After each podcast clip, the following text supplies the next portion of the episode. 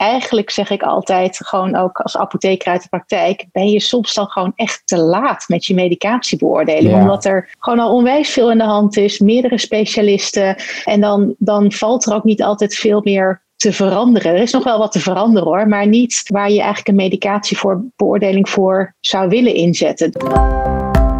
Je luistert naar Pil in de Praktijk, de podcast van tijdschrift Pil. Het tijdschrift voor nascholing over farmacotherapie en samenwerking in de eerste lijn. De presentatie is in handen van Daan van der Stap, huisarts in Vijfhuizen, en Nancy Overmars Zonneveld, apotheker in de Rijp. Hartelijk welkom bij Pil in de Praktijk. Mijn naam is Daan en ik presenteer deze podcast vandaag weer samen met Nancy. Hi Daan. Hoi. Uh, ja, de eerste aflevering van 2021. Nog steeds op afstand uiteraard en uh, nog steeds diep in de lockdown. Ja. Maar ik heb inmiddels mijn vaccinatie gehad. Hey, heel goed. Ik heb hem zaterdag gehad, heel fijn in de AMC. Want jullie moeten dan naar het ziekenhuis toe? Ja, er werd voor alle huisartsen in Noord-Holland in ieder geval. We waren als een van de laatste aan de beurt van het land. Maar eigenlijk alle huisartsen uit Noord-Holland moesten of in het ziekenhuis in Alkmaar of in het AMC in Amsterdam um, gevaccineerd worden. En ik woon van beide ongeveer even ver. Dus ik nou ja, was ingedeeld uh, ja. in het AMC. Uh, ik denk, jullie krijgen gewoon een lading met spuiten en je zet de eerste zelf in je bovenarm en dan de rest. Maar zo. Nee, dat... nee en het zijn ook echt alleen de huisartsen, niet de personeel nog. Hè? Dus dat is wel gek. Het voelt ook een beetje gek. Mijn uh, assistenten die een stuk ouder zijn dan ik, ja, die hebben dan niet gehad. Nee. En ik als jonge huisarts wel. Maar ja, goed, ik zie ook voor huisbezoek mensen natuurlijk in pak thuis en mijn assistenten niet. Dus ergens is het begrijpelijk. Maar ik ben in ieder geval blij dat wij hem hebben gehad. En hopelijk binnenkort dan uh, ja. um, ook de, de rest van het personeel. En, en hoeveel mensen heb jij zelf al gevaccineerd? 0,0. Nul. Ah. Ja, nee. nee, dus dat, uh, we hebben nu eindelijk een update gekregen uh, nou ja, dat we aan de slag kunnen. Waarschijnlijk Mhm. binnenkort met de AstraZeneca. Ik weet niet waar de klemtoon ligt bij die. AstraZeneca. AstraZeneca. Mhm. Um, dus die, uh, ja, daar hopen we binnenkort toch eindelijk in de huispraktijk mee aan de slag te gaan. En dan uh, mogen wij onze eerste mensen eindelijk gaan vaccineren. Maar goed, dat wordt nu eerst gestart in Zeeland. Daar gaan de huisartsen waarschijnlijk als eerste daarmee mogen vaccineren. En dan langzaam gaan, begreep ik vandaag van mijn verpleegkundige in de praktijk, dat zij naar rechtsboven op de kaart gaan uitbreiden. Aha. We gaan het zien. Okay. Ik ben Net benieuwd. als de sneeuw, ja. Maar uh, net zoals de sneeuw. Ik voel me goed. Ik had een dag flinke spierpijn in mijn linkerbovenarm. Maar dan weet Oh, je ja? tenminste dat die echt gezet is. Dus daar was ik er blij mee. Heel goed. Niks te klagen. Maar gelukkig is er meer dan alleen corona. Ja, zeker. Ja, nou, uh, wat ik uh, nog wel even leuk vond, was uh, dat jij mij in de voorbereidingen vertelde, heel enthousiast vertelde over dat Restless Legs verhaal. Ja. daar hebben we natuurlijk een tijdje geleden een leuke podcast aan gewijd, die je allemaal nog terug kan luisteren. Maar dat heeft jou dus in de praktijk echt iets opgeleverd. Zeker, ja. Ik was echt blij verrast, want ik dacht, het is altijd wel gezellig dat geklets op die podcast. Maar ik was echt, ik moest mijn, um, hoe zeg je dat in het Nederlands, mijn, mijn excitement, mijn opwinding echt voor de patiënt verbergen. Dat ik dacht, oh leuk, leuk, leuk, leuk, leuk. Die patiënt had uh, restless legs en uh, dat was een familiair iets. Dat had haar moeder, haar oma, een jonge vrouw van eind 30 denk ik. En heel veel last daarvan, maar nooit echt mee naar de dokter gekomen. En ik heb gezegd, joh, we gaan eerst eens je, ja, je ijzerstatus prikken. Dus ik heel netjes ferritine geprikt. Ik moest natuurlijk wel weer even het pilartikel erbij pakken. Want ik dacht, oh ja, ik moet ferritine prikken en... Want dat is dus niet transferine wat ik normaal prik, maar de transferine saturatie. Nou ja, dus okay. dat heb ik apart aangevraagd, want die krijg je niet standaard. Je kreeg en, geen belletje van, uh, wat vraag jij nou weer aan? Nee. nee, dat gelukkig niet. En ik kreeg die uitslag en uh, zat inderdaad dus wat we dan in dat, uh, nou ja, dat hebben we natuurlijk in de podcast besproken, een relatief ijzertekort. Zij verdroeg de orale ijzersuppletie niet goed. Uh, ook al had ik het vrij laagfrequent gedoseerd. Um, en toen heb ik haar uiteindelijk ingestuurd uh, mm -hmm. en heeft de uh, AIOS interne geneeskunde haar gezien. Die natuurlijk even moest wennen, want die dacht, Hè, dit is toch een, uh, een, een, neurologisch probleem, waarom doe ik dit? Ja. maar ik had het PIL-artikel meegestuurd via de zorgtermijnverwijzing naar de interne. En zij had het doorgelezen en heeft die patiënt met eenmalig um, IV verinject behandeld. En die patiënt heeft mij, die heb ik daarna gebeld, want ik zag de brief van de interne binnenkomen dat ze dat dus gehad had op mijn Mhm. mm -hmm. verzoek. En die zei, dokter, het gaat zo goed. Nou. Uh, de, ja, daar word ik heel blij van. Ja, tuurlijk. Superleuk. Nou. Ja, dus uh, nou, uh, wie weet, uh, zijn er meer van dit soort verhalen in het land. Hè? Dat, dat, dan zouden we dat graag terug horen. Ja, absoluut. Lijkt me leuk. Ja, als je dit artikel wil lezen, ook als luisteraar, dat je denkt, oh, hier wil ik eigenlijk meer van weten, dan kan je altijd even of terugluisteren in de podcast, maar ook het artikel zelf is voor abonnees terug te lezen op, op de site ook van PIL, www.pil-nascholing.nl. Hartstikke leuk. Dat we, ik bedoel, we doen het voor de praktijk, maar dat het dus ook inderdaad wat oplevert, is leuk om te horen. Maar waar gaan we het vandaag over hebben? Ja, vandaag gaan we het hebben over farmacotherapie bij ouderen. Um, klinkt weer stug, zoals wel vaker in onze podcast in de, in de inleiding, dat je denkt, oh, is dat interessant? Maar ik denk in ieder geval dat het een heel belangrijk onderwerp is. En het is ook het thema van de nieuwe editie van het tijdschrift Pil, waar wij het altijd over hebben. En die verschijnt eind maart van dit jaar. Uh, en het is ook wel handig, vind ik, in het nieuwe themanummer dat alle drie de nascholingsartikelen uh, waarvoor je de punten krijgt over dat onderwerp gaan, die farmacotherapie bij ouderen. Dus dat mm -hmm. ligt allemaal mooi in elkaars verlengde. Echt, uh, echt een, ja, een thema, kan je zeggen. En ik wil het vandaag in de podcast vandaag ja, vooral met je hebben over de recent gepubliceerde aanvulling op een al bestaande richtlijn. En dat is de richtlijn multidisciplinaire richtlijn polyfarmacie bij ouderen, een hele mond vol. En een van de nascholingsartikelen in PIL van uh, maart gaat hier dieper op in. En die gaat in op de ja, eigenlijk nieuwe aanvulling, wat dan een module wordt genoemd. En die module die heet dan weer minderen en stoppen van medicatie. Um, en dan ingezoomd met name bij, uh, bij ja, polyfarmacie en bij ouderen. Uh, en wij zoomen in deze aflevering daarnaast ook nog even in op nog een module, uh, dus nog eigenlijk een aanvulling uh, die, van die polyfarmacie-richtlijn bij ouderen, die ook niet zo heel lang geleden is herzien. En dat is de module medicatiebeoordeling. Ja. En die ja, kennen wij natuurlijk wel van de praktijk. Ja, precies. En daar komt dan ook uh, onze gast om de hoek kijken. Uh, dat is Evelien Schel-Vlassak. En zij is uh, openbaar apotheker in Alfa aan de Rijn. En zij heeft toen de tijd vanuit het WSO-bestuur haar bijdrage geleverd um, in een werkgroep aan die module. En die kan ons dus meer, ons dus meer vertellen over nou, hoe die tot stand is gekomen. En wat, nou ja, wat er anders is dan de vorige beschrijving van de medicatiebeoordeling.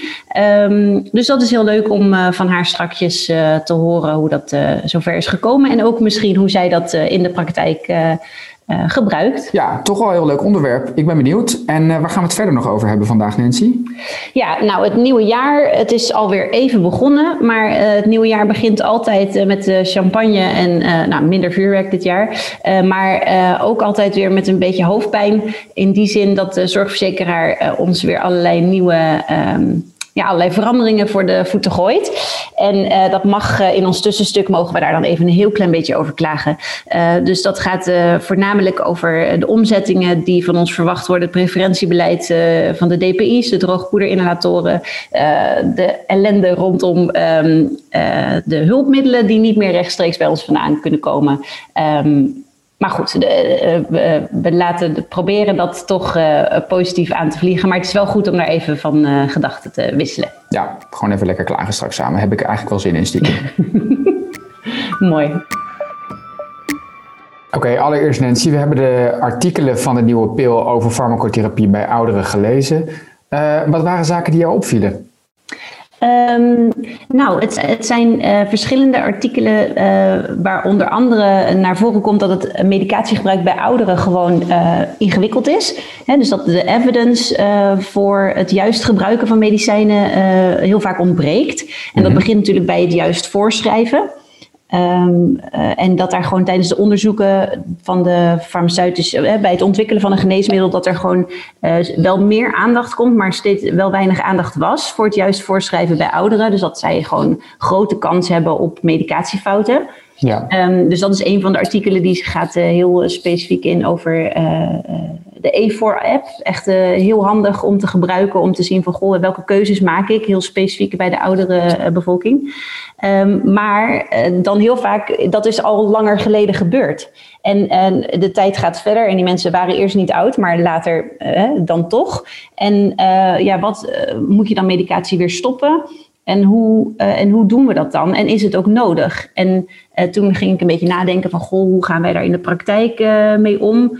En dan kom je natuurlijk bij de medicatiebeoordeling, waarbij we vaak gaan kijken van, goh, wat kan er beter? En dan heb je vaak in het achterhoofd van, ja, wat kan er ook stoppen? Ja. Um, nou, in een van die artikelen staat dus, is stoppen, is dat dan een doel op zich? En dat vond ik wel interessant, want ja, eigenlijk, jij bent voorschrijver en jij ja, schrijft steeds meer voor. Maar moet je van tevoren ook alvast bedenken hoe lang gaat dit zo blijven en wat ga ik daar op termijn mee doen. Dus uh, uh, ja, de medicatiebeoordeling doen we met z'n tweeën. Um, maar ik neem aan dat er in de opleiding ook al wel heel veel uh, aandacht is, toch? Voor um, juist voorschrijven van medicatie, vooral bij ouderen. Ja, dus als we het dan inderdaad over die twee verschillende nascholingsartikelen hebben, wat natuurlijk in elkaars verlengde ligt, hè, wat jij ook zegt, is het, mhm. begint het dat artikel over het juist voorschrijven. En als we dan eigenlijk al um, nou ja, gefaald hebben met een langetermijnplan maken, dan komt eigenlijk het andere artikel om de hoek van, oké, moeten we niet eens wat gaan saneren en stoppen en wat is daar dan de evidence over? Dat eerste artikel dus, wat jij zegt dat juist voorschrijft, ja, gelukkig is daar juist heel veel onderwijs over, ook in de geneeskundeopleiding. Ik heb nu in de praktijk een, uh, een co-assistent, Annaloes, en die um, um, heeft net een farmacotoets gehad dan, wat je in de, tijdens je laatste co had. En dat is een landelijke toets tegenwoordig, waar de medische faculteiten volgens mij, in mijn tijd was dat nog niet.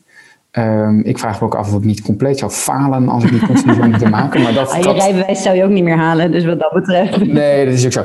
Maar ik vond het wel grappig, want Anneloes zat dat te oefenen. En die zat dus van de week, vroeg ze ook dingen aan mij. Zegt joh, weet jij dit? En dan kijk ik mee en dan denk ik echt, oh mijn hemel, wat een vraag allemaal. Over, over receptoren waar ik eerlijk gezegd soms gewoon nog nooit van gehoord had. En dan moest zij over noortriptyline. Het was dan een oefentoets. Ze had hem uiteindelijk gehaald, helemaal uh, blij. Want het is blijkbaar best pittige toets. Waar de geneeskundestudenten dus best wel hard voor, uh, ja, voor moeten blokken. Maar heel belangrijk natuurlijk dat elke basisarts dit in de opleidingen best wel kritisch krijgt. Want dat vinden ze, ik, het viel mij op dat ze veel beter dan in mijn opleidingstijd, en zo oud ben ik nou ook weer niet, maar dus uh, op de geneeskundeopleiding best wel landelijk strenge toetsen krijgen, waar echt wel de farmacotherapie kennis en ook de ja, voor's en tegens, dus zeker ook van uh, medicatie starten. En gewoon kennis over de farmacotherapie um, en farmacodynamiek. En het, het wordt wel echt uh, vrij degelijk, volgens mij, degelijker dan in mijn tijd doorgenomen. Dus daar ben ik ook wel ja. blij om. En dat is denk ja. ik voor de luisterende apotheker ook wel een geruststelling. Dat het in de toekomst nou ja, wel beter zal worden. Omdat uh, de, de, jonge dokters worden kritischer opgeleid om over farmacotherapie na te denken dan dat, dan dat vroeger was, denk ik. Jawel, maar ik denk dat ik was wel redelijk gerust op jullie hoor. Daar, dat uh, zit wel snor. Maar um, wat deze app heel goed laat zien is dat het dus uh, niet alleen per geneesmiddelgroep, maar ook per geneesmiddel en dan bij de verschillende indicaties, uh, dat er dan verschillende evidence voor is en verschillende ja. afwegingen gemaakt worden. Dus je zou denken, nou 1 april is altijd veilig, maar dan is dat toch weer afhankelijk van is het hartfalen of hypertensie. Dus dat, er zit best wel veel detail en dat, dat is um, voor mij natuurlijk, zo bekijk ik niet een voorschrift wat van jullie komt, maar op het moment dat ik een medicatiebeoordeling doe, dan vind ik dat dus wel weer heel nuttig.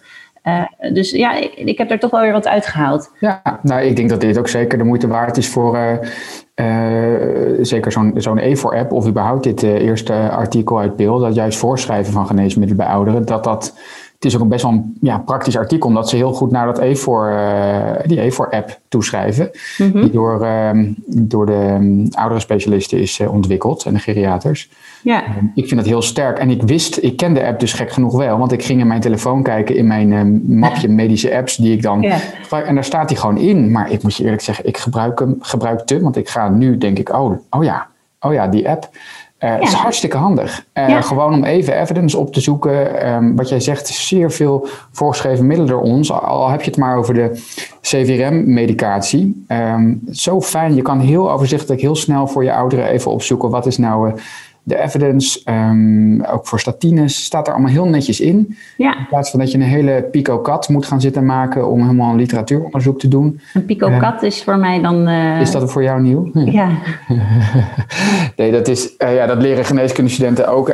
dat is een beetje de kritisch wetenschappelijke opleiding dat je middel 1 vergelijkt met middel 2 of interventie 1 met interventie 2. Oké. Okay. En uh, dat je daar een literatuuronderzoek uh, naar doet. Mm -hmm. En dat wordt dan een critical appraised topic, een CAT genoemd. Uh, ah, okay. Of een PICO. Nou, dat is ook weer ja. zo lekker met afkortingen strooien. Ja, ja, ja, precies. Um, maar dat is, ik vind het heel handig, de E4-app, daarvoor. Ja, nou ja, goed. Dus ik dacht dat er in ieder geval voor mij ook wel een nut is op het moment dat je zo'n beoordeling doet. En um, dat was eigenlijk hetgeen wat mij dan weer het meest opviel in het, in het andere artikel, uh, waarin uh, het stoppen van medicatie beschreven wordt. Mm -hmm. En um, daar wordt dus heel duidelijk aangegeven van ja, stoppen van, met medicatie. Dat, we hebben allemaal wel het idee dat dat zinvol is. Um, maar is dat het ook? Of is het alleen maar geldbesparing? Of is het, levert het ook daadwerkelijk uh, gezondheidswinst? Ja. Um, en nou ja, dan wordt dat verder getrokken dus ook naar medicatiebeoordelingen. En daarom zullen we straks ook uh, met Evelien praten uh, over die andere module die bij de multidisciplinaire richtlijn polyfarmacie bij ouderen hoort. dus de module medicatiebeoordeling. Omdat is namelijk iets wat heel groot is in de apotheek. Weet je, het, het is we vinden het heel leuk om te doen, omdat je daarin echt kan laten zien, nou, ik ben apotheker, ik, ik heb verstand van medicatie, ik ben een geneesmiddelspecialist. Maar om het goed te doen heb je daar echt veel tijd voor nodig. En uh, er zit altijd zo'n druk achter van aantallen die moeten van de zorgverzekeraar. Um, en toen ik dus dit las, uh, dat ik dacht van, oh, die evidence is eigenlijk helemaal niet zo heel sterk. Toen ben ik daar weer een beetje verder naar gaan kijken. En dat is dus eigenlijk ook wat in die, die nieuwe module staat. Uh, ja, dat de manier waarop we dat tot nu toe gedaan hebben, ja, uh, ja niet zo effectief is. Of in ieder geval heel veel energie kost en, en vrij weinig resultaten geeft. En wat dan wel weer grappig is, ik was die uh, module aan het bekijken en dan, halen ze een heleboel literatuur aan van nou, wat is er tot nu toe over bekend. En toen zag ik dus ook een uh, van de uh, onderzoeken die gedaan is, daar heb ik dus zelf aan meegewerkt. Oh ja. Ja, dat is toch best wel weer grappig. Um, nou staat mijn naam daar natuurlijk niet in, maar het onderzoek van Floor Willeboortse, daar heb ik dus als ja, als medicatiespecialist, samen met een van de huisartsen toen ik nog in Amsterdam werkte, um, hebben wij dus die medicatiereviews gedaan. En waren wij dus een interventiepraktijk. En ik ben dus ook bij, ik heb haar boekje en alles gekregen naar haar promotie. En ja, dat was ook de, de teleurstellende uh, conclusie. Dat ja, er waren wel inderdaad meer interventies doorgevoerd.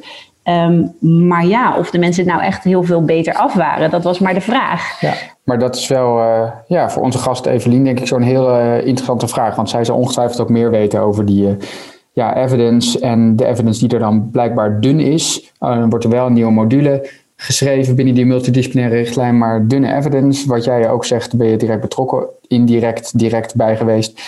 Uh, interessant. Ik ben heel benieuwd ook wat Evelien ons hier uh, ja, wijzer over kan maken. Want, ja, uh, ja en, en ook wat ze ons kan zeggen over de manier. Kijk, bij iedereen, of de, de vaste luisteraar weet dat wij nu niet meer samenwerken, maar hebben dus ook wel samen medicatiebeoordelingen gedaan. Ja, ja de manier waarop we dat deden, was dat, is dat een beetje zoals, zoals het zou moeten? Of, of Hè, um, en waar nu de, vooral de discussie om op ligt is van ja, welke mensen kies je om zoveel mogelijk effect eruit te halen. Ja. Uh, dus dat is waar voornamelijk naar gekeken wordt. Ja. Um, maar ja, ik moet zeggen, ik vind de medicatiebeoordeling, behalve dat het dus wel tijdsintensief is, vind ik het wel een hele leuke, ja, uh, leuke invulling van mijn tijd. Weet je, ik, ik vind het fijn om met jullie uh, inhoudelijk bezig te zijn. Ik vind het leuk om het contact met de patiënt te hebben.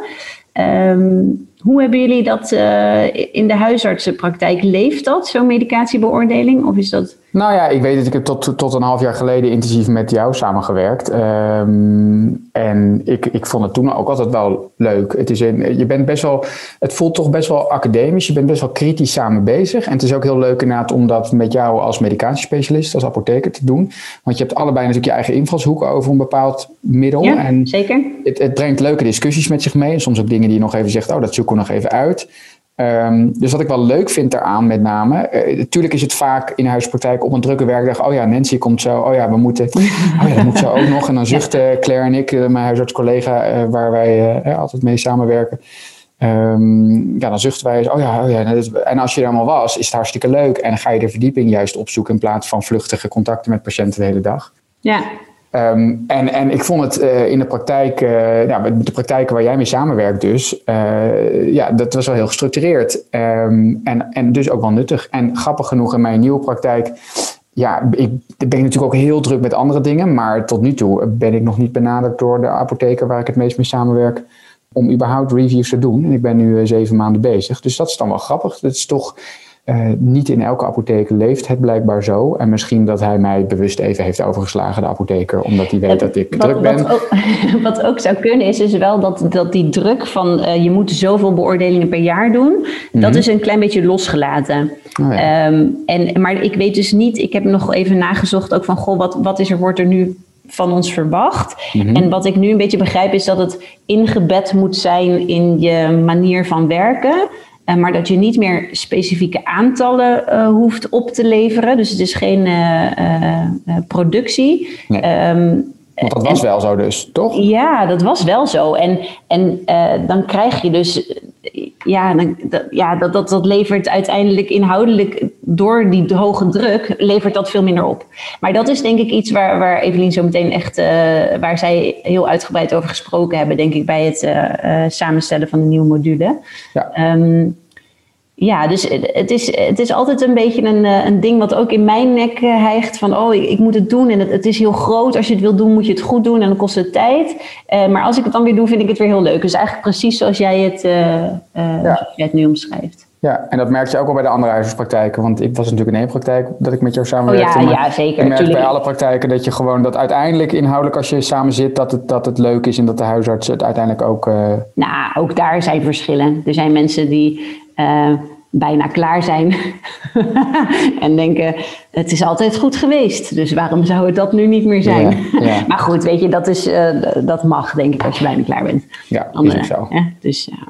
Nou, zo hebben jij en ik uh, de medicatiereviews beleefd. Ik ben benieuwd wat Evelien daarover kan zeggen. Die heeft daar natuurlijk met een, ook weer een andere bril naar gekeken vanuit het WSO-bestuur toen. Um, dus die gaan we er zo bij halen. Maar nu eerst even dit. Sinds 1 januari is veranderd dat het Zilveren Kruis, een van de grootste verzekeraars hier, dat de hulpmiddelen, de medische hulpmiddelen, niet, niet meer via de apotheek geleverd kunnen worden. Maar dat mensen die moeten bestellen bij medisch speciaalzaken. Oké, okay, ja, en dan dus inderdaad de nieuwe maatregelen van de zorgverzekeraars. Ja, ik heb een beetje nagedacht hoe, hoe we dit uh, uh, toch nog uh, een beetje vrolijk kunnen brengen. Maar nee, ik, ik was wel echt even een beetje weer dat ik weer het enthousiasme moet zoeken. Denk, waar ben ik toch weer mee bezig als openbaar apotheker? Als ik dan weer, ehm, nou, bijvoorbeeld de droogpoederinhalatoren, die zijn dus nu ook in het preferentiebeleid opgenomen. Mm -hmm. En dat begrijp ik. Hè? Die dingen zijn duur, er moet geld bespaard worden. Uh, je kan het ook aangrijpen als moment om te denken: weet je wat, we gaan ook inhoudelijk naar die, naar die apparaten kijken. Hebben de mensen nog de juiste uh, devices? En moeten we misschien de nieuwe GINA-richtlijn ook daarin meenemen? Dat we zeggen: laten we de mensen die eigenlijk seretide gebruiken, wat dus eigenlijk niet meer de bedoeling is, want het is allemaal te duur, uh, moeten die niet een formoterol. Um, uh, iets gaan gebruiken met formoterol erin, want dan kunnen ze dat ook zo nodig gaan gebruiken. Ik probeer daar dan echt nog met man en macht iets positiefs in te zien en te denken, hier kunnen we ook onze zorg nog in kwijt. Maar even serieus, in coronatijd, mensen om gaan zetten. Terwijl iedereen goed staat ingesteld eigenlijk. Ja, en dan oh, kom maar even in de apotheek, even een blaastest. Uh, weet je wel, kom uh, inhalatieinstructies. Dat staat op zo'n laag pitje. We doen alles een beetje zo net over de balie. Ongeveer begrijp je het. Hier heb je goed kijken op een de website. inhalatorgebruik.nl. Nou, ja. dat, weet je. Ja. Dan kan ik echt denken, het is gewoon niet eerlijk. Het is niet eerlijk. Toch? Het is kostenbesparend, maar het is eigenlijk praktisch zo onuitvoerbaar soms, hè? Ja, en het, op het allerlaatste moment wordt dat weer voor je voeten gegooid. En en, en wat dan ook, het is echt wel weer, dan denk ik, oké, dan gaan we allemaal om naar generiek. Weet je, als de zorgverzekeraar het wil, ik ga het ook niet meer voor je oplossen. Het spijt me, je moet gewoon een device gebruiken wat niet in het longformularium zit. Zwaar. Maar ja, dan denk je het andere moment weer, we hebben met z'n allen een longformularium gedacht. Dat is ook niet voor niks. Um, moeten we toch niet bij devices blijven waarvan de evidence al wel vaststaat, in plaats van dat we nu Bufolair of whatever, whatever moeten gaan gebruiken. Ik had een apparaatje in mijn handen. Was per ongeluk binnengekomen, maar ik heb het niet afgeleverd. Een soort seretide, maar dan huismerk. Mm -hmm. En dan heb je een bakje en daar zitten dan twee stripjes in met daarin twee bubbeltjes. Ik, ik ben het aan het uitleggen ook via de Zoom, maar je moet even een beetje, een beetje voorstellingsvermogen bij hebben. Er zit dan een stripje met twee bubbeltjes gevuld met poeder. En dan doe je dat, dat bakje doe je weer dicht. Dan doe je het andere klepje open, doe je het stripje ertussen, doe je het klepje weer dicht, doe je het andere klepje weer open. Dan trek je het stripje eruit. Dat zijn al zeven handelingen. Hè? Ik ben een oma van uh, 83 met reuma. Ik heb het allemaal voor elkaar gekregen. En dan moet ik het nog inhaleren. Ja, weet je, dan denk ik, dat wordt dan preferent aangewezen. Echt. Dan, nou ja, dat. ik weet eigenlijk niet eens wat ik erover zeggen moet. Ik was er even helemaal klaar mee. Ja, en nu ben je daar natuurlijk wel uh, ruim een maand verder. En, en ben je, ik ben wel benieuwd, ben je, want voor ons is het natuurlijk ook wel. Wij denken, ach, ja. wat, één, wat sneu, sneu voor jullie. Maar, maar begint het dan toch wel weer te wennen? Want dat is natuurlijk wat een zorgverzekeraar, stel die interviewen wij een keer in onze podcast. Die zeggen, ja, maar weet je, ja, verandering altijd moeilijk. En we moeten met z'n allen de zorg... Hoe, hoe kijk je er nu een maand, laat ik me wel benieuwd. Denk je dan van, oké, okay, ik ben weer over de schrik heen en uh, let's go? Of... Jawel, uiteindelijk moet je, je moet er toch wel weer mee dealen. En je kan het wel ja, je kan het naast je neerleggen, maar uiteindelijk, uh, ja, het is toch allemaal geld gedreven en dat geld heb je nodig om uiteindelijk, hè, uh, om toch die zorg te kunnen blijven verlenen. Maar wat ik altijd zo lastig vind, is dat het wel, er wordt al heel lang over gesproken en dan ineens is het een feit. En we zijn dus nu inderdaad, wat is het, uh, vijf, zes weken in het nieuwjaar. En nu pas hebben we in samenspraak met alle huisartsenkoepels en de POH's hebben een soort plan bedacht. En hoe gaan we dat dan doen? En nou, moet ik eigenlijk zeggen... te veel uh, op je bordje gegooid, net voor, uh, voor kerst. En dan zo van, joe, volgende week uh, even heel gechargeerd. Maar, ja, je, je krijgt wel een beetje tijd hoor. Dus je wordt nu nog niet per se, dacht ik, hoop ik, afgerekend. Maar dat is preferentie. Maar wel per 1 januari, dat is natuurlijk waar, waar, waar wij door jullie veel door werden gewaarschuwd, denk ik, in den landen. Is name de, de zilveren kruismerken met de hulpmiddelen. Want dat is wel, denk ik, meteen per 1 januari. Oh ja, dat is echt per 1 januari ingaan. En um, dan moet je ook nog steeds een soort soms trucken uithalen dat je denkt, nou, dit was eigenlijk nog in december afgeleverd hoor. Want anders weet ik niet hoe ik het binnen een dag nog overgedragen moet krijgen naar een andere leverancier. En dat die mevrouw die toch echt dit nu nodig heeft, nog haar teststrips, inko, katheter, whatever krijgt. Dus heel veel. Ik vind het vooral. Het is niet uit te leggen.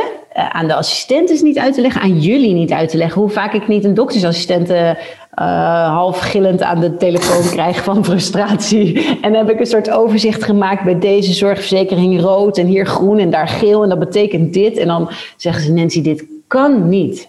Nee, en ook de, de, de paars krokodillen natuurlijk gehad de laatste jaren in huis. Oh, ja, ja, ja. weer heel veel. En dit is met dank aan alle aan Zilveren Kruis als uh, voortrekker in dit geval. Die zijn even de pineut van onze, ja. ons klaagkwartiertje. Maar dit is, natuurlijk, dit is natuurlijk niet werkbaar voor ons. Dit is een beetje van het kaliber. Het is leuk, uh, spreekwoordelijk zit ik ook weer te gebaren. Maar met aanstekens in Den Haag heel leuk bedacht dit. Ik weet, het Zilveren Kruis zit helemaal niet in Den Haag. Maar je snapt wat ik bedoel. Op de tekentafel in Den Haag zag het er leuk uit. Maar praktisch het, het, het, niet, niet op te vragen in een coronajaar al helemaal niet. Maar eigenlijk daarbuiten ook niet om zo'n grote verandering, um, die praktisch gezien met name de patiënt wordt de dupe. Precies, en mensen schrikken. Hè? Je moet je voorstellen, want mensen krijgen een brief van Zilveren Kruis. Let op, je mag het niet meer halen bij je apotheek, want het wordt niet meer volledig vergoed. Nou, je kan je voorstellen, mensen die al wat ouder zijn, die raken echt van de leg van zo'n brief. Komt er vervolgens een brief van ons? Nee, nee, het komt allemaal goed. We gaan het voor u regelen, maar dan via de achterdeur en het komt allemaal goed.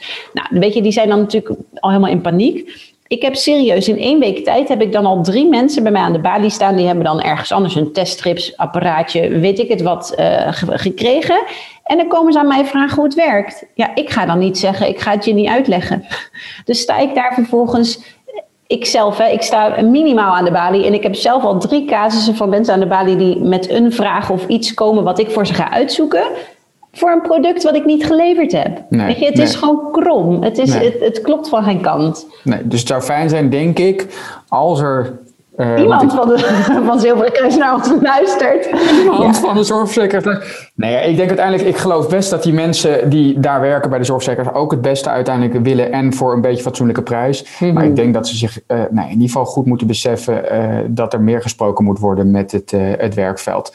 Want uiteindelijk wordt inderdaad, jij en ik worden knettergek en verliezen het plezier in ons werk door dit soort maatregelen. En niet alleen omdat we niet tegen verandering kunnen, maar het is gewoon echt. Uh, het moet wel ook echt nuttig zijn. Het moet het opleveren. Het moet nuttig zijn. En, en ik vind met name verdrietig, zeker voor een merk als Zilveren Kruis, dat de, de, de patiënt uiteindelijk de dupe wordt. Want die staat plomp verloren bij de balie en krijgt dan maar hand over het hart gestreken van de lieve apotheker die het toch maar uitlegt.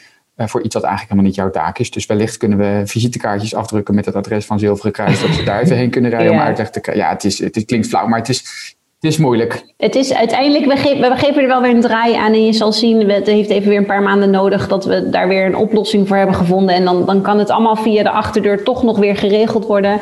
Maar het is gewoon zonde. Elke keer denk ik, deze tijd zou ik zo graag aan bijvoorbeeld een medicatiebeoordeling besteden. Ja. ja? Nou, en inmiddels is bij ons aangeschoven digitaal, helaas nog steeds digitaal, uh, Evelien Schelflassak.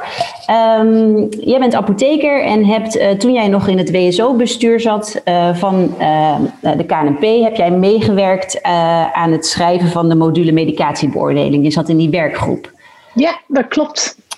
fijn dat je er eventjes bent. zou jij kunnen vertellen, die module die was er eigenlijk al, maar die is opnieuw geschreven. Wat was daar de aanleiding voor? Nou, er waren eigenlijk meerdere aanleidingen. Ik heb altijd begrepen dat een richtlijn ook een, een houdbaarheid heeft. Dus dan moet er sowieso altijd herzien worden. Maar dat was niet het allerbelangrijkste. Eigenlijk stond er in de vorige richtlijn uh, de hoeveelheid patiënten die je absoluut uh, een medicatiebeoordeling zou moeten krijgen. Mm-hmm. En daarin hebben ze toen gesteld dat dat 65-plussers waren en volgens mij meer dan vijf geneesmiddelen. En dat hebben ze toen eigenlijk ook gewoon arbitrair hebben ze dat gewoon opgeschreven destijds. Maar wat is er vervolgens mee gebeurd? De politiek ging daar zelfs kamervragen over stellen. Waarom het toch kwam dat er niet uh, alle ouderen boven de 65 uh, zomaar, uh, niet iedereen had nog een medicatiebeoordeling gekregen. Nou, dat is natuurlijk ook helemaal niet nodig, omdat de medicatiebeoordeling ontzettend tijdsrovend is. En niet elke 65-plusser heeft dat nodig, ook al gebruiken ze vijf geneesmiddelen. Dus daarvoor hebben we eigenlijk gezegd, er moet maatwerk komen. Het is eigenlijk heel gek dat dit uh, zo, uh, zo ooit bedacht is. Mm-hmm. Um, daar was ook helemaal geen evidence voor om, om elke 65-plusser te gaan reviewen. En daar hebben we toen eigenlijk gekeken, weer helemaal opnieuw, weer een literatuurstudie is er ook gedaan van, is er inmiddels meer literatuur beschikbaar over het bewijs eigenlijk van zo'n medicatiebeoordeling. En uh, het was ook op dat moment dat er een apotheker ging promoveren op dit uh, onderwerp.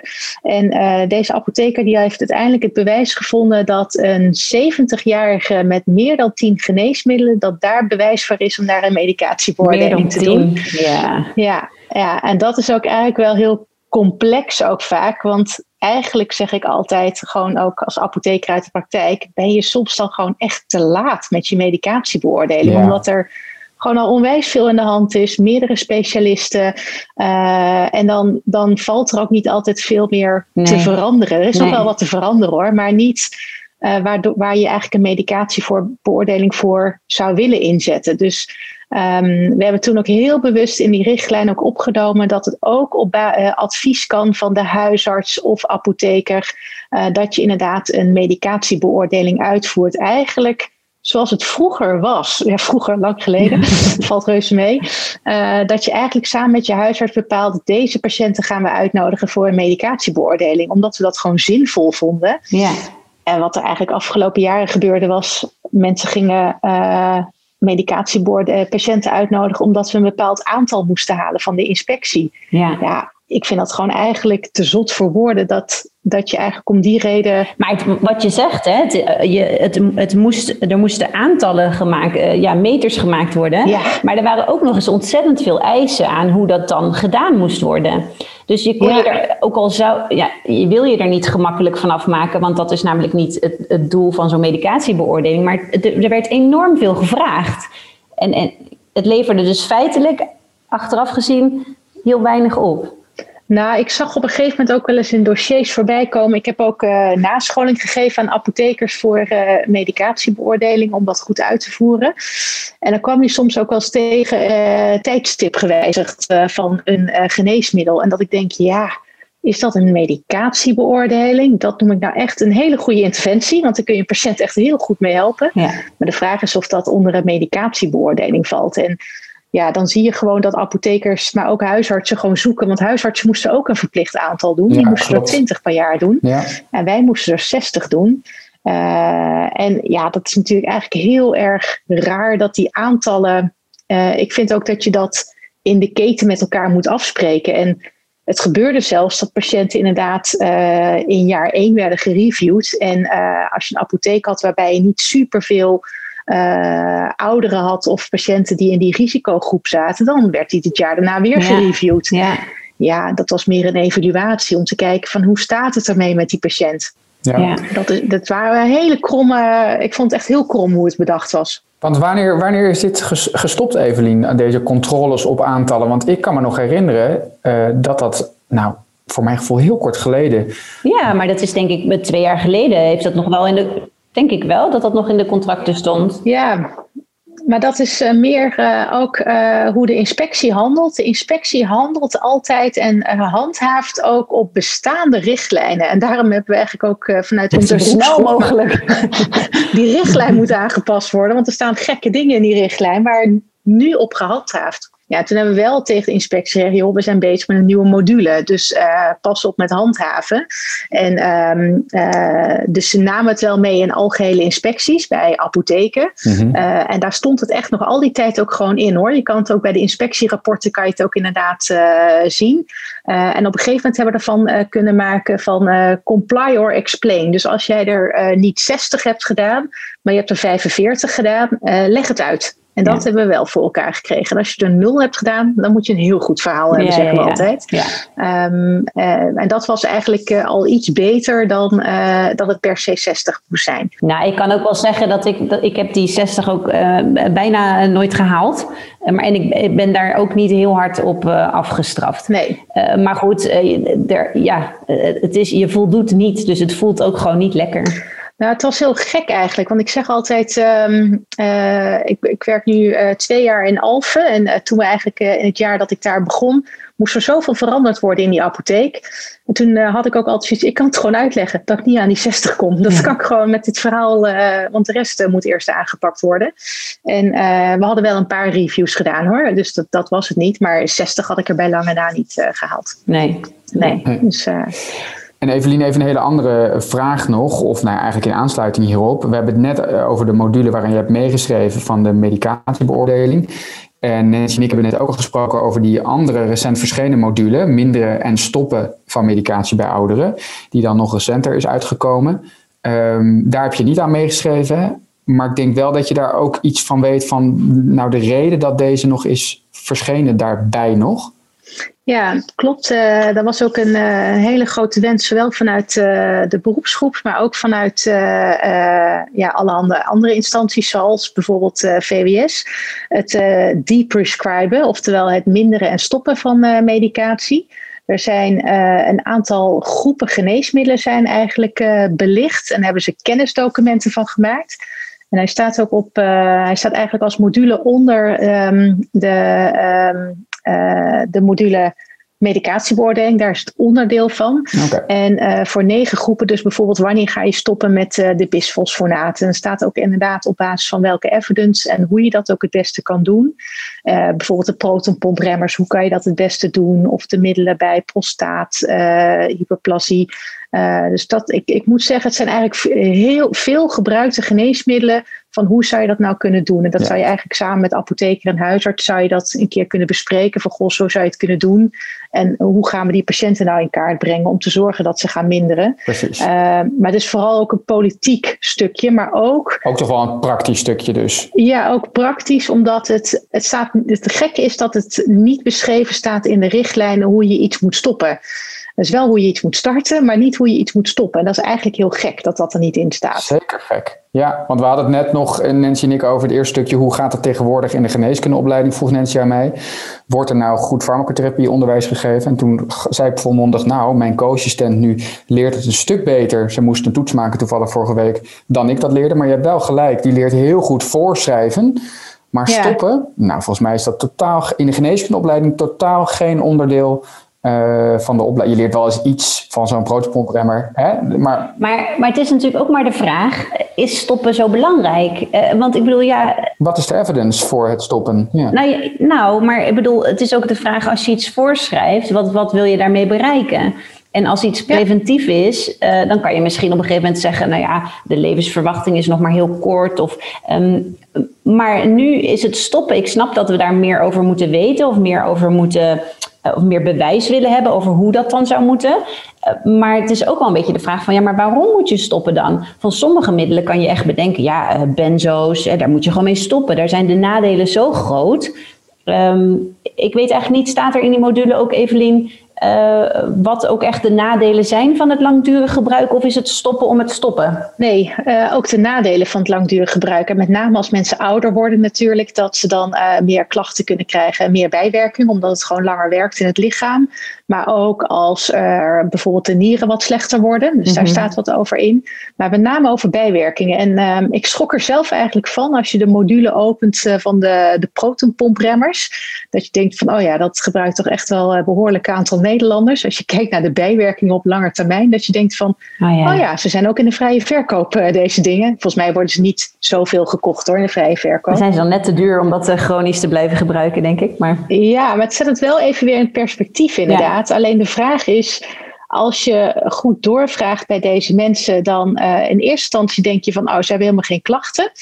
Maar het is altijd wel goed om het wel weer in ogenschouw Met name is er nog steeds een indicatie voor behandeling. Ik vind dat eigenlijk de belangrijke vraag in plaats van, hey, moet er gestopt worden? Meer van, wat is de reden van voorschrijven nog steeds? Ja, en wat, wat in het artikel in Pil goed naar voren komt, is dat het ook uh, heel moeilijk kan zijn om onderscheid te maken tussen uh, de geriatrische reus of de, de, de, geriatrische aandoening en de bijwerking. En, het, en dus gebruik je het medicijn bij die aandoening of is het medicijn onderdeel van de aandoening of, of de symptomen daarvan? Dus het, dat is nog best, denk ik, uh, lastig. En dat lijkt me specifiek iets wat, wat SOG'er, specialist ouderengeneeskunde, uh, misschien in de praktijk goed kunnen beoordelen. Of ja, dat, dat lijkt me denk ik een van de uitdagendste punten. Ja, want we hebben het, die kennisdocumenten of die module eh, minder en stoppen. Dat zijn, ik moet zeggen, nog steeds uh, ook echt geneesmiddelen die echt veel in de eerste lijn worden voorgeschreven. Ja. Alle moeilijke uh, geneesmiddelen, zoals antidepressiva, benzo's staan er ook mhm. niet eens tussen. Um, antidepressiva dus ook niet, maar ook middelen als... Maar daar zou je nou wel een handje kunnen gebruiken, toch? Een beetje houvast. Als, uh... Precies, dus dat geeft eigenlijk ook wel aan, uh, volgens mij pijnmedicatie, dus die echt die chronische neuropathische pijn van mensen die echt op weet ik hoeveel milligrammen pregabaline staan. daar zou je handvaten voor willen hebben, maar ja, die, die, die, zijn ook best wel complex. En daar kun je volgens mij ook helemaal geen document voor schrijven, want dat is, e- ja, ik bedoel, het is sowieso maatwerk. Ja. Maar uh, dit, ik moet zeggen, dit zijn nog wel de relatief makkelijke uh, geneesmiddelgroepen. En uh, uiteindelijk wordt er wel, dat is het politieke doel, wel geprobeerd om daar dat dat uiteindelijk ook ten eerste gezondheidswinst voor de patiënt, maar ook dat dat inderdaad uh, een besparing in geld zou zijn. En daar heb ik echt hele grote twijfels over. Want het, het, echt, het kost helemaal niks, deze geneesmiddelen. Nee, nee. En het, het, doen van de interventie, het klinkt heel suf wat ik nu zeg, die is duurder ja, dan het daadwerkelijk stoppen van deze. Ja, dat mag ik niet zeggen misschien, maar het is echt zo. Ja, nee, maar dus dat is wel gek. Want dat is natuurlijk, wij weten natuurlijk nog weer heel veel beter uh, dan Daan of de, of de huisartsen wat de medicijnen kosten. Maar echt helemaal niks. Weet je wel, een, nee. het, het, kost echt helemaal niks meer. Je hebt voor een tientje kan je iemand een jaar lang behandelen. Uh, nou ja, dus dat, dat half uur wat Nancy en ik samen zitten te vergaderen over iemand en dan Nancy en mij ons uurloon, dat, dat, dat klinkt heel alsof wij bakken geld verdienen. Maar dat weegt niet op tegen. Zelfs die, wij. Ja, weegt niet op tegen de kosten van een PPI en een statine. Nee, nee, en dat is eigenlijk, uh, uh, ja, ik ik ben nu bezig in Alphen om bijvoorbeeld eh, de patiënten met uh, antidepressiva, om die in kaart te brengen. En ook om te kijken of we daar kunnen minderen en kunnen omlaag kunnen gaan en uiteindelijk stoppen. Mhm. Maar als ik zie hoe intensief dat traject is met die mensen en ook met de POH GGZ het is ongelooflijk hoeveel tijd het kost. Terwijl die, die, die middelen, het middel zelf, het kost helemaal niks meer inderdaad. Eh. Nee, dus kostenbesparing. Ik snap dat het een doel is, want we moeten overal daar waar het kan kosten besparen. Maar je Als zou argument om het, om het heel streng hierop te gaan zitten op deze module is dan weer eh, een gek argument inderdaad. Nou, je moet kijken ook vanuit de samenwerkingsafspraken die je hebt. We hebben gewoon als, uh, als uh, afspraak gemaakt in onze zorggroep. Wij willen wel wat met die chronische antidepressiva gebruiken. Nou, die module bestaat al niet eens. Maar daar willen we mee aan de slag met elkaar. En ik vind dat veel belangrijker dan dat je uh, nu generiek even alle patiënten met een protonpompremmer gaat uh, aanschrijven. Goh, zullen we even afbouwen. Ja. Dat, ja, uh, doel-middel. Het is puur dat er nu een document bestaat dat je weet hoe je kan afbouwen.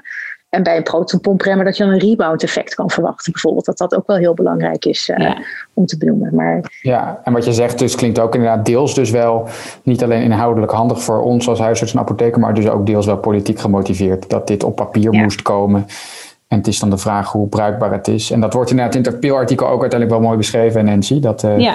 de evidence op de harde eindpunten hiervan, plus op de kosten, uh, dat, het, nou, dat er weinig evidence is. Ja. ja.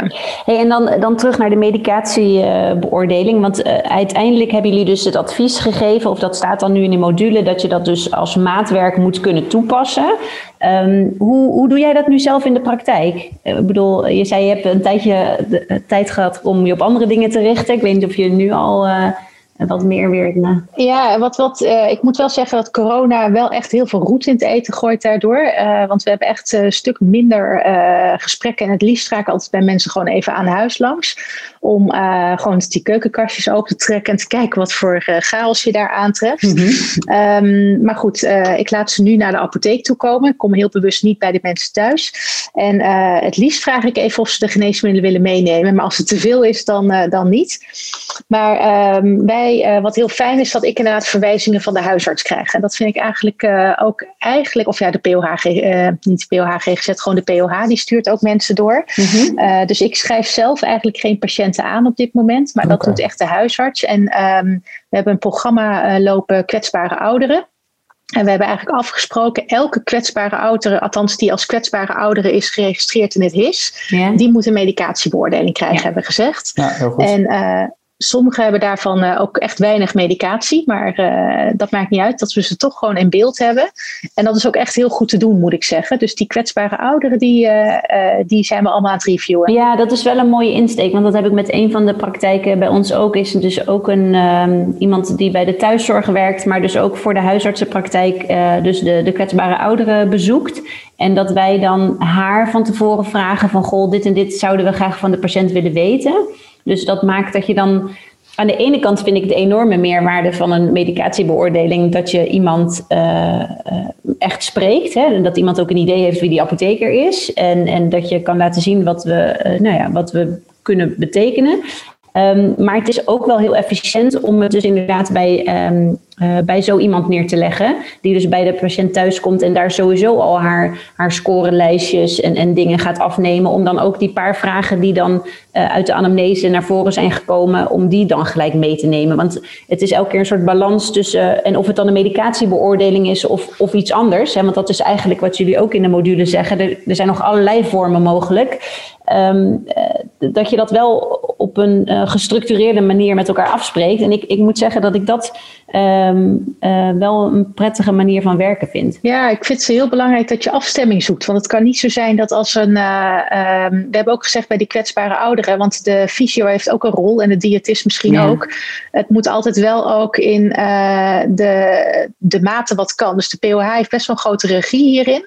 En we hebben ook gezegd: het kan niet zo zijn dat als een patiënt het, de ICPC-codering krijgt, dat dan de volgende dag uh, op de stoep uh, staat. Ja, dus we hebben, daarom hebben we ook voor gekozen dat de POH aangeeft wanneer moet wat gebeuren en wat is er nodig. En dat vind ik ook echt essentieel, want anders kom je gewoon op het verkeerde moment, het verkeerde tijdstip.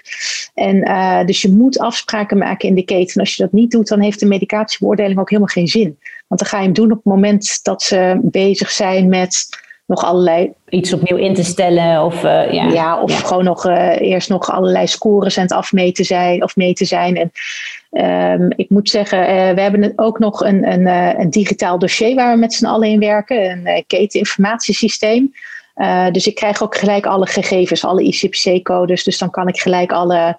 Um, ja, kan ik alle gegevens inzien. Dus op papier kan ik al heel veel zien en mm -hmm. kan ik al een ik noem het altijd even de quick wins, die kan ik alvast eh, naar ze toesturen. Dat als ze weer die patiënt zien, kunnen ze dat alvast aftikken. Ja. En dan heb ik die patiënt nog niet eens gesproken. Dus dat, um... Maar goed, en dat is eigenlijk dus ook wat, wat er in die module staat. Van, er, er zijn ook andere manieren waardoor je constant met elkaar in gesprek bent en, en je de, de foutjes eruit vist of, of hè, verbetering kan doorvoeren. Ja. Dus het feit dat we niet meer 100 medicatiebeoordelingen gaan doen, wil niet zeggen dat, we daar, dat, het, dat het niet meer gebeurt. Maar het gebeurt op een logischere, meer ingebedde manier dan. Ja, en het wordt wat meer chronisch eigenlijk. Want zo'n patiënt, uh, ik zeg altijd één medicatiebeoordeling, dan alsof je dan in één keer tien wijzigingen gaat doorvoeren bij een kwetsbare oudere. Nou, ik denk dat hij dan sowieso op de IC belandt, denk ik. Maar uh, dat wil je niet. Dus, dus, je, dus het loopt ook gewoon langzaam door. Je kijkt eerst wat echt belangrijk is om aan te passen. Ja. En ik moet zeggen, omdat je de patiënten gewoon echt al in beeld hebt. Uh, het enige wat ik altijd nog steeds lastig vind, is als er heel veel specialisten betrokken zijn. Dan wordt het vrij complex, vind ik, gewoon voor de afstemming, zeg maar. Wat is nou het meest urgent voor uh, die patiënt? Maar wij beginnen eigenlijk gewoon altijd standaard bij alle patiënten van de huisarts. Dat vinden we eigenlijk, uh, daar is nog veel te behalen. In die zin uh, in de afstemming. Dus niet zozeer in interventies, want als het goed is, is het ook heel veel regulier werken. Gewoon je receptcontrole, je medicatiebewaking goed hebben staan. Um, zorgen dat inderdaad alle gegevens van het LSP opgehaald worden. Uh, dan kun je eigenlijk al heel veel doen uh, bij die patiënt. En dan is het meer een continu verhaal. En de huisartsen met wie jij dan nu samenwerkt sinds een korte tijd, die schrokken van jullie vooruitstrevende apothekers? Of die stonden daar wel gelijk die, dat werkt helemaal oké? Of, of zeggen ze van... Uh, uh... Die waren al zo. Ik oh, moest mee in die trein. Oh ja, echt? Oh, dat is goed. Wat leuk om te horen. Ja. Nee, ja, ik denk dat het voor de, voor, de, voor de luisterende apothekers die dan het hele... Eh, het POH kennen jullie allemaal. Maar dat is wel echt fijn dat er sinds een paar jaar echt die uh, aparte POH-ouderen. Dus we hebben echt nu de POH-GGZ, de POH, wat dan vroeger de somatiek heette, noemen we dan nu de POH. En dan heb je ook echt dus een aparte POH-ouderen. En dat is ook echt een aparte geldstroom vanuit de zorgverzekering.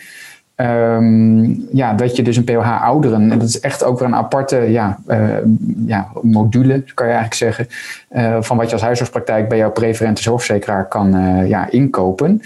Um, en uh, ja, het is heel mooi, het is heel krachtig. Want juist uh, wat Evelien net zegt, denk ik, um, het is absoluut ook mijn streven ooit eens in de praktijk te hebben. Je hebt de continuïteit in één keer. In plaats van wat wij altijd vaak deden, Nancy, is voor iemand een losse medicatiereview. Heel nuttig ook, maar ik denk inderdaad als je dat in een, in een keteninformatiesysteem weet te vangen en als coördinator een POH-ouderen die heel erg daar altijd op zit. Vergeleken met een huisarts die hapsnap van het ene naar het andere vliegt. Van een spiraal plaatsen naar een depressieve patiëntgesprek. Naar, en zo per haar ouderen doet ook van alles, want het is complex. Maar dat is heel krachtig, denk ik, de, de, de, de, het keteninformatiesysteem om je ICT-ondersteuning en je informatie met elkaar te delen. En ondertussen zo'n coördinator als een POH ouderen. Ik denk dat dat echt de toekomst zal zijn. Ja, en we hebben ook bijvoorbeeld afgesproken, en die vind ik eigenlijk, uh, uh, dat is niet eens een medicatiebeoordeling, maar het niet-pluisgevoel. Dus als een bezorger bij een patiënt komt en die denkt van joh, het gaat echt niet goed met deze patiënt, dat we ook gewoon een berichtje via dat systeem sturen naar de POH-ouderen. Ja. Uh, van goh, is deze patiënt in beeld. Uh, want dan kan ik het bijvoorbeeld niet oproepen in dat, uh, in dat KIS. En dan uh, krijg ik inderdaad ook vanzelf een berichtje terug van er wordt een bezoek ingepland. Om ja. gewoon, en ik vind dat onwijs waardevol van zo'n POH. Want die heeft daar inderdaad ook, nou, ze hebben druk hoor, maar die hebben daar wel de tijd voor. En dat is ook hun, hun specialiteit inderdaad. Absoluut, ja. Nou echt um, goed om even te horen dat we dus vanuit een soort uh, keurslijf naar veel meer uh, ja, flexibiliteit en eigen inzicht uh, kunnen gaan. Dat konden we natuurlijk al, maar fijn dat dat dus nu ook op papier staat.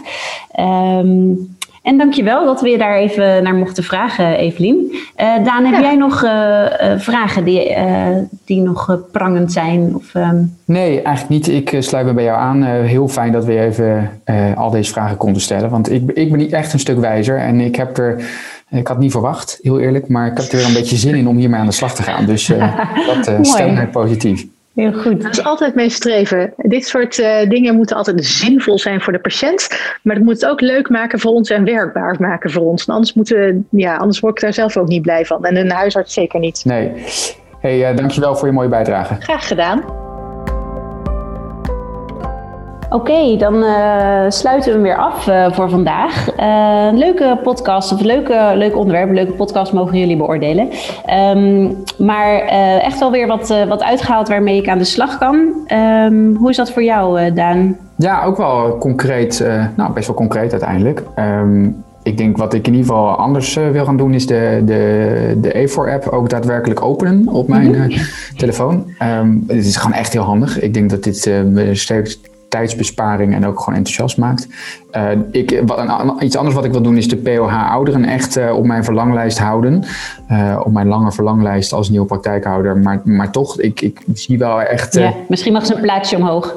Ja, precies. Die, die stijgt even op het, uh, op het to-do-lijstje. Ja. Um, en ook wel, um, nou ja, wat voor mij echt actief vanaf morgen denk ik ook kan veranderen, behalve die app dan gebruiken, is uh, meer zelf toch, als ik een patiënt tegenkom waarvan ik denk, jeetje, zeker, zeker nu ik een nieuwe huisarts ben voor heel veel mensen, uh, en ik kom nieuwe chronische patiënten tegen met een hele lijst, dat ik ook gewoon eens even een lijstje naast me op het bureau leg. Of dat is natuurlijk niet helemaal privacy veilig, maar dan maak ik een, ik maak een slim op mijn bureau blad. Dat ik er gewoon even een lijstje bij hou. Omdat ik ook dan gewoon zelf mensen kan gaan aandragen. In plaats van dat de apotheker mij uiteindelijk gaat benaderen van zullen we eens wat mensen ja, reviewen of uh, beoordelen. Nou, en eigenlijk precies dat is ook dat ik dacht, ik wist wel dat die richtlijn of dat het niet meer zo strak was. Hè, dat je per se 60 of 100 uh, mensen moest beoordelen. Maar toch zit nog wel in mijn hoofd dat je wel nog altijd moet proberen er zoveel mogelijk te doen. Ja. Dat vind ik wel eigenlijk prettig. Dat ik denk, oh, dat is eigenlijk dus niet per se waar. We mogen echt wel gaan kijken naar waar wij denken dat het nuttig is.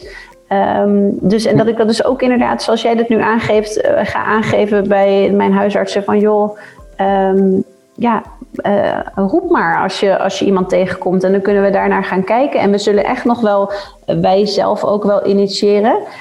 Um, maar dus dat we niet meer die aantallen hoeven na te jagen. Nee. je dan, en, en, dat je dan dus wel moet kijken naar uh, hoe, hoe in mijn dagelijkse praktijk uh, vul ik dat dan in. Hè? Heb ik mijn medicatiebewaking op orde, mijn, mijn signaallijsten. Dat is, weet je, dus dat moet natuurlijk sowieso kloppen. Mm -hmm. Maar dat, dat je daar iets meer vrijheid in krijgt. Ja, en ik denk dat je als apotheker echt wel je huisarts de, in de FTO-groep misschien dit een keer, desnoods als een FTO-onderwerp. Dat is denk ik best wel aantrekkelijk om... Uh, Um, in ieder geval iets met ouderen te doen. Dan kan je natuurlijk ook één medicatiegroep pakken. Ja. Uh, om, uh, om dat eens aan te kaarten. Want ik denk dat je de huisartsen best enthousiast mee kan maken. Dat ze ook weten dat jij niet meer maandelijks uh, langs hoeft te komen voor een lijstje van het moeten er zoveel zijn. Maar dat je echt zegt, jongens, kom nou alsjeblieft actief met ja, ja. mensen waar het nuttig is. Ja, leuk. Dus wij weten wat we, wat we anders willen gaan doen. Um, als dat voor jou ook geldt als luisteraar of wil je reageren op deze aflevering, wil je iets met ons delen, dan kan dat uh, via uh, podcast.pil-nascholing.nl. En wil je meer informatie over tijdschrift Pil en het behalen van de nascholingspunten, dan kun je terecht op www.pil-nascholing.nl. Ontzettend bedankt voor het luisteren en heel graag tot de volgende keer. Tot de volgende keer. Je luisterde naar Pil in de Praktijk, de podcast van tijdschrift Pil. Het tijdschrift voor nascholing over farmacotherapie en samenwerking in de eerste lijn. Pil verschijnt vier keer per jaar in de vorm van een papieren tijdschrift en geaccrediteerde e-learnings. Ga voor meer informatie en abonnementen naar www.pil-nascholing.nl.